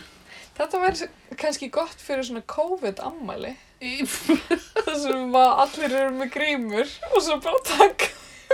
Já, allir sé ekki, þetta sé ekki bróðurinn hefð í, út af því. Heimsfaraldur sammali. Kannski, já. Nei, en þetta, ég veit ekki akkur að þetta byrjaði eitthvað staðar, en þú veist. Nei. En ég held líka sko að þetta er komið svona out of proportion. Já, Hérna, þessi ammalis, barnaammalis hefði þarna í Breitlandi. sko algjörlega. Þetta er bara allt rándýrt og... Já, rándýrt, þú veist, allt ógislega dýrt já, já. við þetta, þetta er bara yðnaður. Sem hún, hann að Kate Middleton, hinn var aldrei skrætt á. Já. Býtu, ég ætla að, hérna...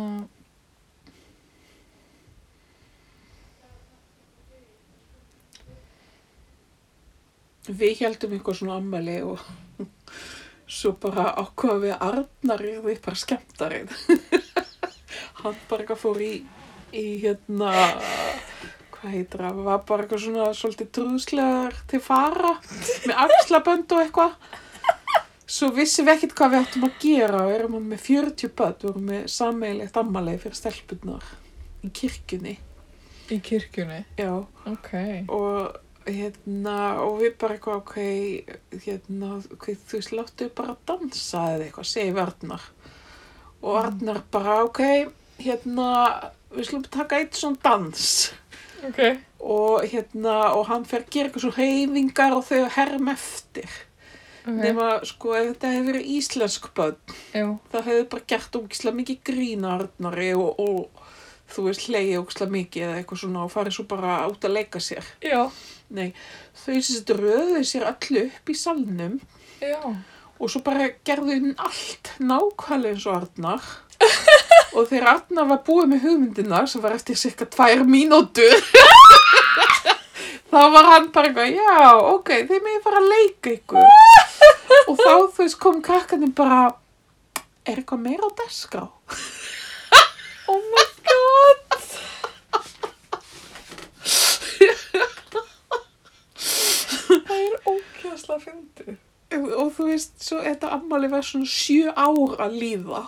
Já, en þú veist, ok, segðu mér með batnaðamöli, er það ekki eitthvað, Það er bara, það er Átakanlegt. satanist. þú veist, að ég heyri stundum um þetta eitthvað svona, þú veist, fólk er svona svolítið eftir sig, kannski nokkra daga og eftir, já, æ, þú veist, það er, eða kannski fyrirfram, það er eitthvað, ó, ég þarf að fara heim og plana þetta batnaðamöli og svo var það með batnaamæli í gæri það fyrir að dæja bara úf, Já. þú veist það sem, En- ég, það sem ég sko ef ég myndi nú eignast börn það eitt af því sem að ég hef miklar áhyggjur af er að batnið mun eignast vini sem eru önnur börn Mm. sem ég mun ekkit andilega líka vel við Já, það er algengt vandamál. Já Þú veist það, sko þú veist, sorry to burst a bubble hérna, en það er ekkert öll börn skemmtileg og Nei. bara flest ekki mjög, Nei. skilurðu og, og hérna hvað, hvað á maður til dæmis að gera ef að þú veist auðvitað er maður örglega gladur ef barnum hans á, á vini en hvað er vinirnir eru svo ofsalega leiðilegir Já, þetta er klassist vandamál. Það er Mm. ekki til einu lausn við þessu. Nei, það er ekki hægt að flæma því burt einhvern veginn. Nei, maður Nei. vil það náttúrulega ekki. Nei, Nei, en þú veist, maður hefur lent í ímsu, getur sagt þér, í þessum fræðum. já. Við þurfum ekkert að fara dýbra í það. Nei, ég held að, En ég held að við þurfum bara að acknowledgea að þetta vandamál er til í já, heiminum. já. Alveg eins og ekki allt fólk er skemmtilegt. Nei, nei, það bara, ég, hvað ég segja, það, að, ekki allum finnst, finnast allir skemmtilegir. Nei, Og það get ekki allum finnast allir skemmtilegir. nei. Nefna náttúrulega frú Barnaby er frekar vinsæll þáttur hjá flestum. Ef við erum að fara í alhæfingar. Flestu sem ég hef talað við. Allir sem ég tala við. Já, allir sem ég hef talað við. Bara, Annarkvort elska það eða eru bara, ha, ertu með podcast? Hvar get ég hlustað á það? ymmið. Bara, hvar hefur verið allt mitt líf? Hef- Fæ ég ofta að heyra. Sko, ég var nú að tala með hana frængu mína uh, um daginn, hana hrefnu, sem að ég hef nú minnst á áður í þáttunum og hún var að eignast eh, hérna lítbann sem að er núna aðeins meira en háls ás, ég veit ekki, eh, fólk telur þetta nú alltaf í mánuðum þegar þau eru svona lítil og ég er svo leilig í starfræði að Já. ég... Þú veist, og líka þau eldast alltaf bara mánuð eftir mánuð, þá eru þau alltaf, allt í einu orðin, þau voru sjö mánuð í gær og svo á- átta mánuð og svo, Ymmið. svo eins ás, já, allavega, Hvað hérna, gerir svo? börn eldast, ótrúlegt en satt, en... ok, ég ætla ekki lengur að vera bitcha um þetta, nei, hérna, ok, sem sagt, eh, hérna, eh, hún, hún er sem sagt oft að lendi því að, að, hérna, þú veist, börn þeir eru náttúrulega, þeir eru svona lítil, þá þau eru að sofa Já. og hún er að fara, hérna, um, um bæin og, og keira með hann í aft, aftursætinu, þá er Já. svo þægilegt, hún sopnar alltaf í bílnum Ymmið. og hérna þá getur hún líka verið að hlusta á podcast á meðan og eitthvað svona og hljóðbækur og eitthvað, gekkja næs eða hljómar eins og frekar kósi og hérna nema hún voru að segja mér að hún getur ekki hlusta á frú Barnaby Nei. út af því að við hlægjum svo Ok, við erum ekki badvæl þáttur. en ég greinlega ekki Nei. Oh, svo þú veist það er einn mínus hjá Já. okkur hérna, smá mínir. smá mínus það, er, það eru hláturrókurnar Já. sem eru að draga okkur niður hérna. Well. en En ég minna, það maður það getur er ekki bara ekki alltaf- allt, það er Nei. ekki allt fengið. Það er ekki hægt að gera öllum til geðs. Og við erum ekki svona podcast sem að er fyrir 0 til 100 ára. Nei. Við erum svo spila, Við erum púsla. svona meira fullarins. Já, þetta er fullarins podcast, Já. sko. Það er, maður þarf að vera að vissum aldrei. Maður þarf eiginlega að vera miðaldra. Já, helst svona 40 pluss. Já. Til Í svo- anda. Það Já. mesta til kokti. svo ná um hvað. Þessu um hvað- stórkuslega húmor. Ah.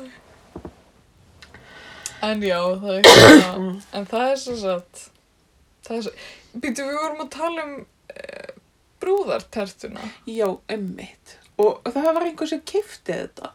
Já, sem sagt, já, eitt sem ég langaði að segja er að í einum Jane Austen þáttunum, ég man ekki hvort það var Sense and Sensibility, ég held að það hefur verið það, þar sem einhver, var að, einhver karakterina var að gifta sig, þetta er í sjónastáttunum, og, og einhver segir eitthvað, Oh, I'll be sure to send you a piece of the wedding cake. Já, Hefur ekki heyrt þetta? jú, og þú veist það er eitthvað svona ok þér er ekki búið í brúðkaupið en þú veist þú ert samt mikilvægur einstaklingur þannig að við Já, sendum ok. þér bita af kökunni þú veist er þetta eitthvað Ég hafði hann nú- hefur þetta byrjað.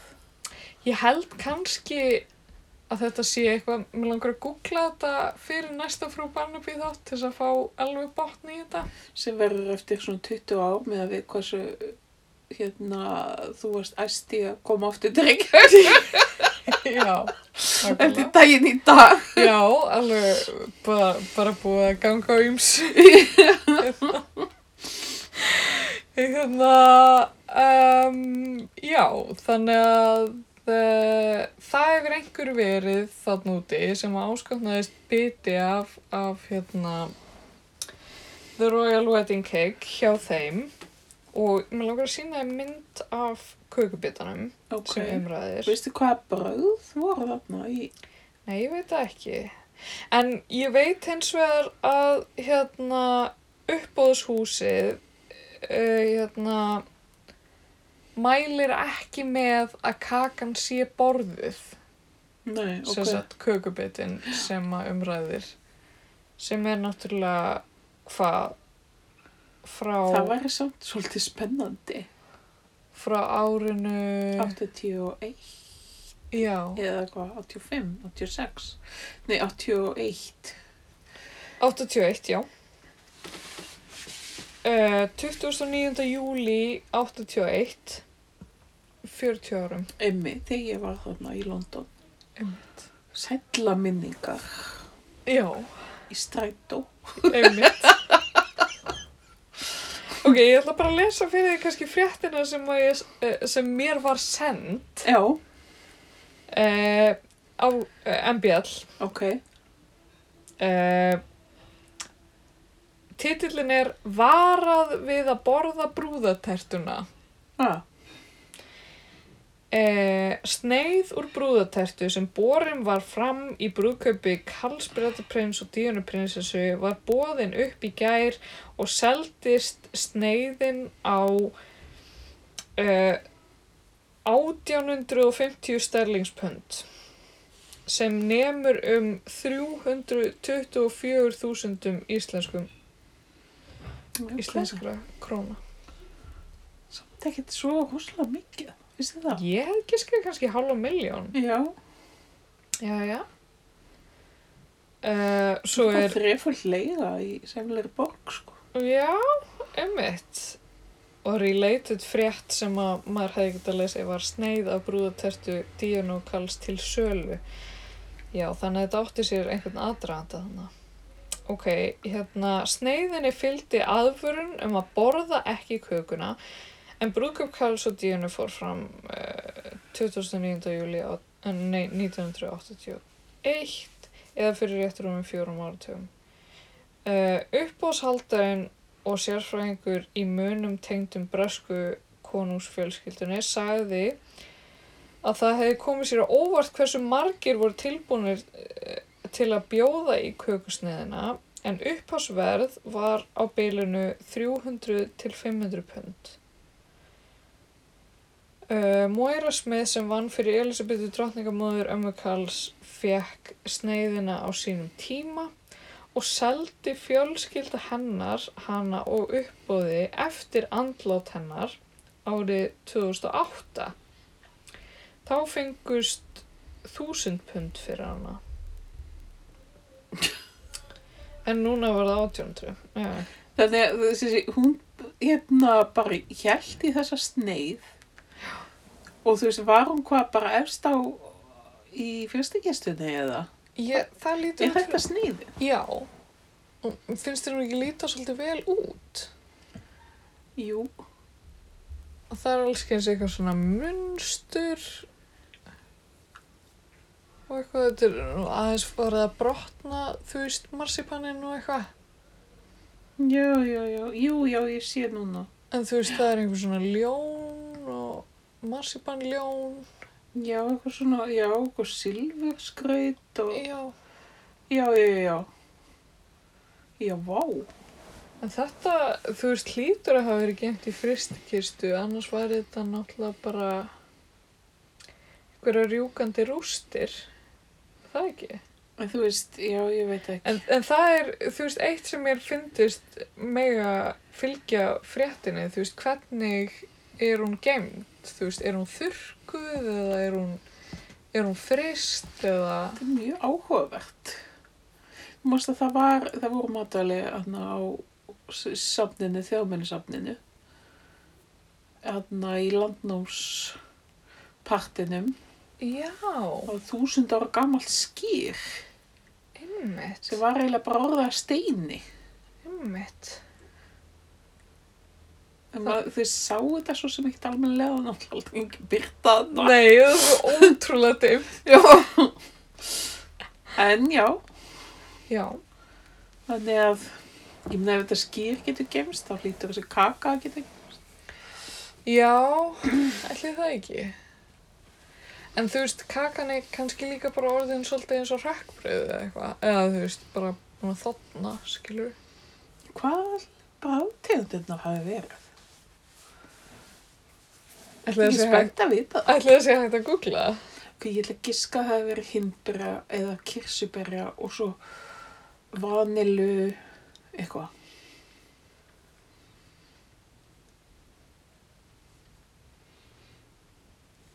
Jarðarberja. Sko, ég er alveg sammála þér. Ég held að það sé eitthvað svona vanilu og eitthvað svona jarðabyrja. En það er mjög algengt reynda fyrir eitthvað svona Victoria Sponge. Mm.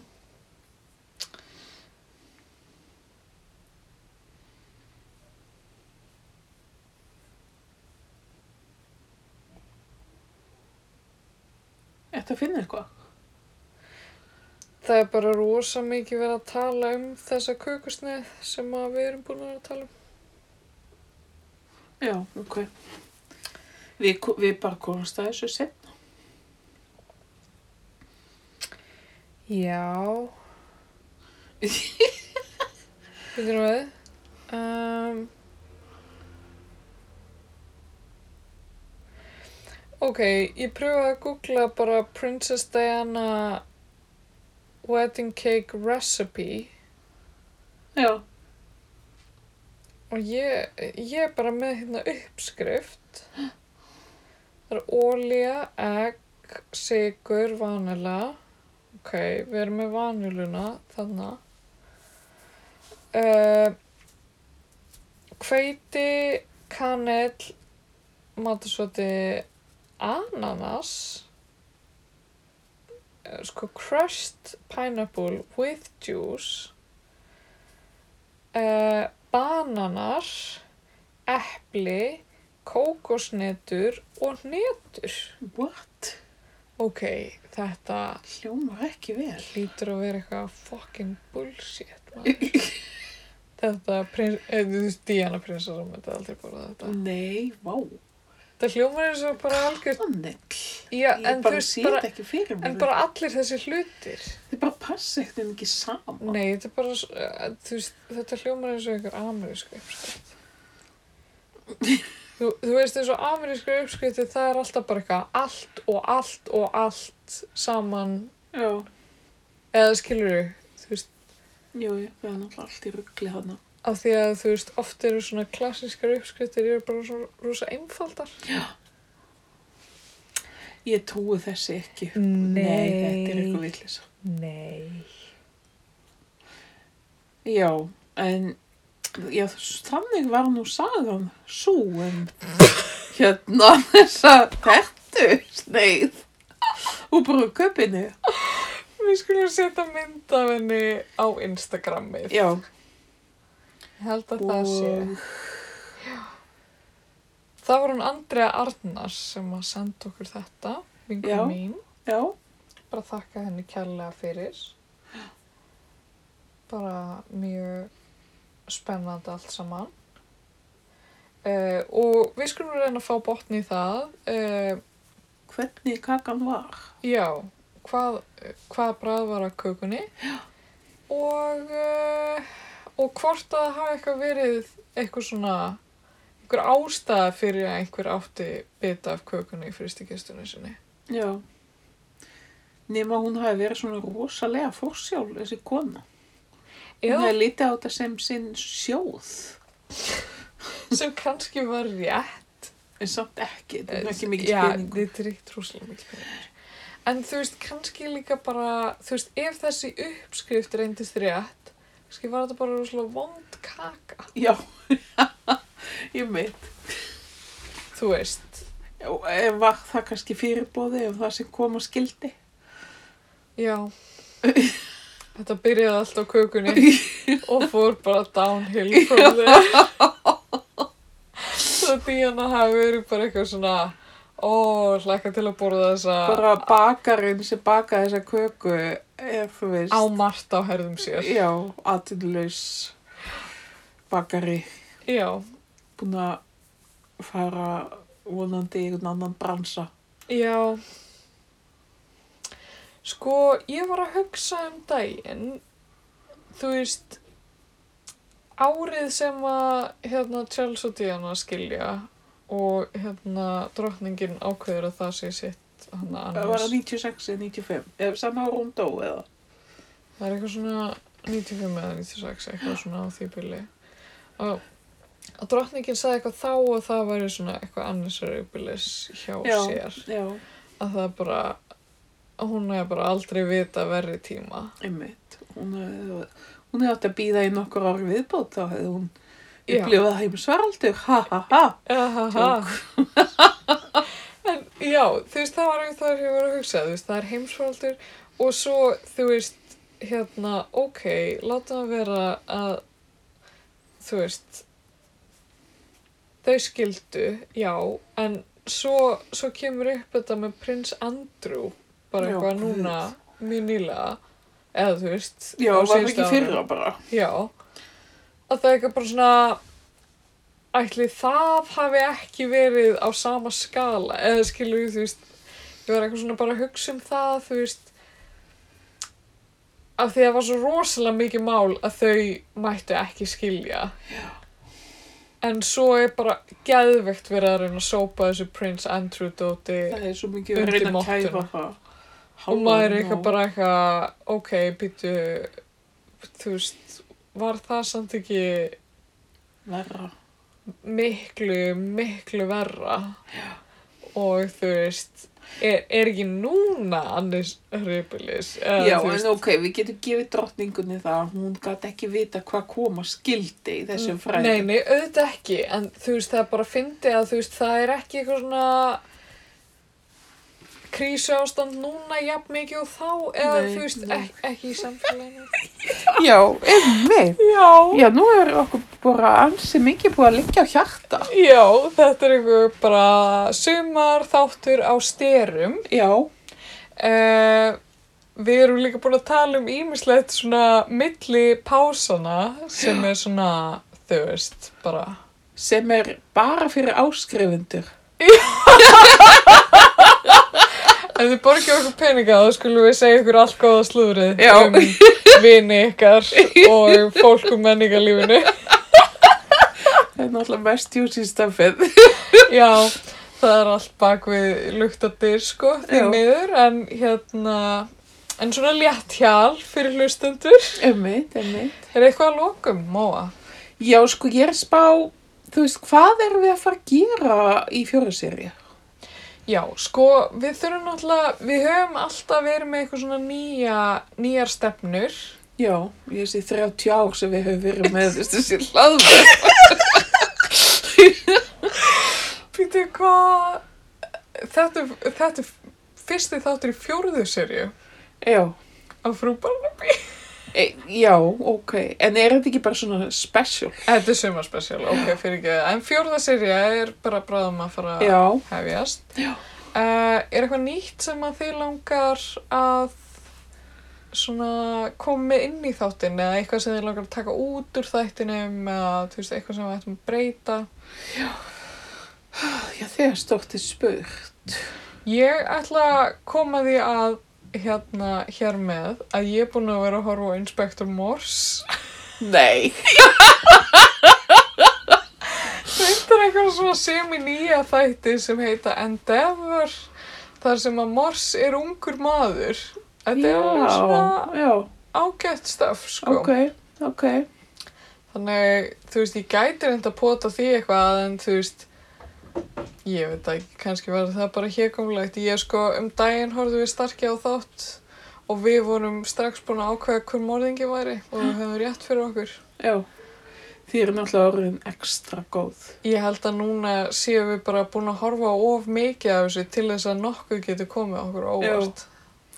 Þa, það er kannski spurningum að þið vinnið fyrir laurugluna Já, í svona sérstökum verkefnum. kannski það getur verið verkefni fyrir frú Barnaby að við myndum bara actually nýta uh, sérþekkingu okkar á, á einhverju Já, og leysa dula full mál Já, í samfélaginu. kannski fólk geti, uh, þú veist, hlustendur geta kannski skrifað okkur bréf með einhver svona duðlufullt mál. Já, já, já. Við getum kannski leist úr því hvar kötturinn er. Ó, já, við getum samt ekki lofa neinu, Nei, skilur nei, en þú veist, Við getum reynt hvar, hérna, hvar þú týndir. gleruðinu þínu. Já. Eða, uh, eða bara eitthvað, ef, að- ef fólki vantar einhvers konar ráðgjöf, persónulega. Já, krydd í tilveruna. Já, Krydd í tilveruna, mér finnst þetta svo skemmtilegt orðatiltæki. Þú veist, hvað er það?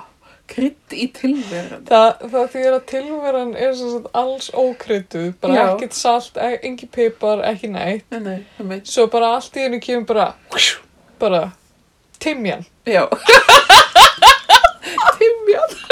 Ég veit það ekki. Og þá er maður bara eitthvað, wow, hvað er í gangi hérna? Já. Húlala. Því þau fyrst var þetta bara, bara gúrka, en núna er komið salt á. Ég veit það ekki. Það var sæmt. Ég segi nú bara svona. Ok, en Við vorum ekki búin að segja hlustundum frá nýja fyrirtækinu okkar Já. sem við erum að stofna. við erum búin að stopna nýtt fyrirtæki sem gengur út á þjófnað.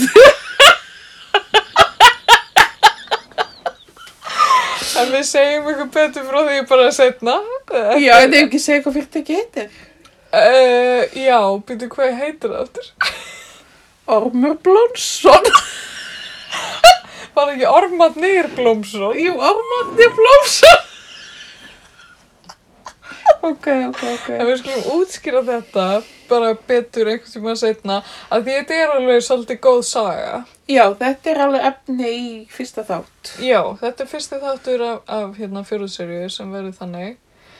Uh, já, og uh, út frá þessu uh, privatgríni milli okkar þá datt mér í hug líka að nefna að við getum verið með spin-off þátt, til dæmis á Rúf geti ég myndið mér, Já. sem myndi heita Morgunfrúin. Þar sem við myndum bara tala um blóm. Já. Hvernig var Halló, úf. Eru þið ekki að kveikja frú Barnaby? Enginn að hlusta. Engin. Sko, Guðni Tómasson lætur eins og hann sjáu ekki skilabóð. Tjósis, er hann að gósta þig? Já. Guðni, manstu þegar þú varst að vinna með mér í Japis? Halló.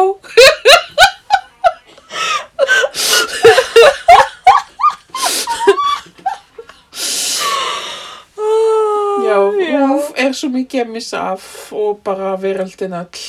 Já, En morgunfrúin, það er mjög gott. já. Og við myndum fá inn, þú veist, fólk bara, þú veist, ímest fólk úr þjóðlefinu sem myndi bara ræða upp á splómi sitt.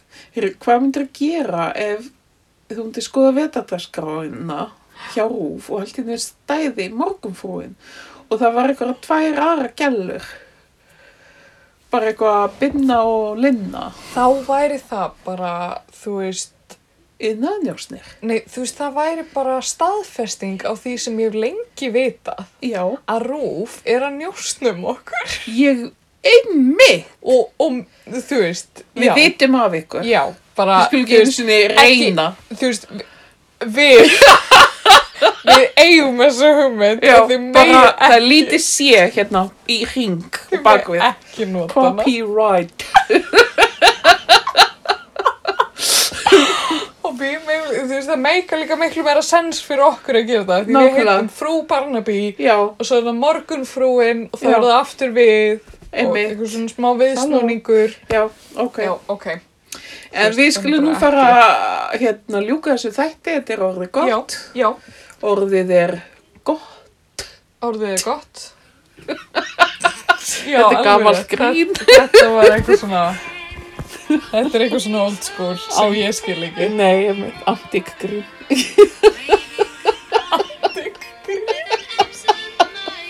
Við erum með eitt antigrím hérna við byrjum á tíu krónum Selt Oh. Og þetta lag er uh, fyrir hann sýstu mína sem er í sókvi Það er Draupáðslega hennar kæra það til sportrekars, í báður sportrekars. Lilla flautuleikarans Og bara þe- þessu sjökk í mun ljúka. og svo er þetta líka svona smá óður til sömarsins Já, hún er að ljúka. Slipping through my fingers all the time. I try to catch her every day. Nothing is Æ, þetta er búið svo gott lag all the time. I really see what's Copyright Abba Já, Þú veist, þetta er ekki, við sömdum ekki þetta lag nei, nei, það er víst ekki. She keeps on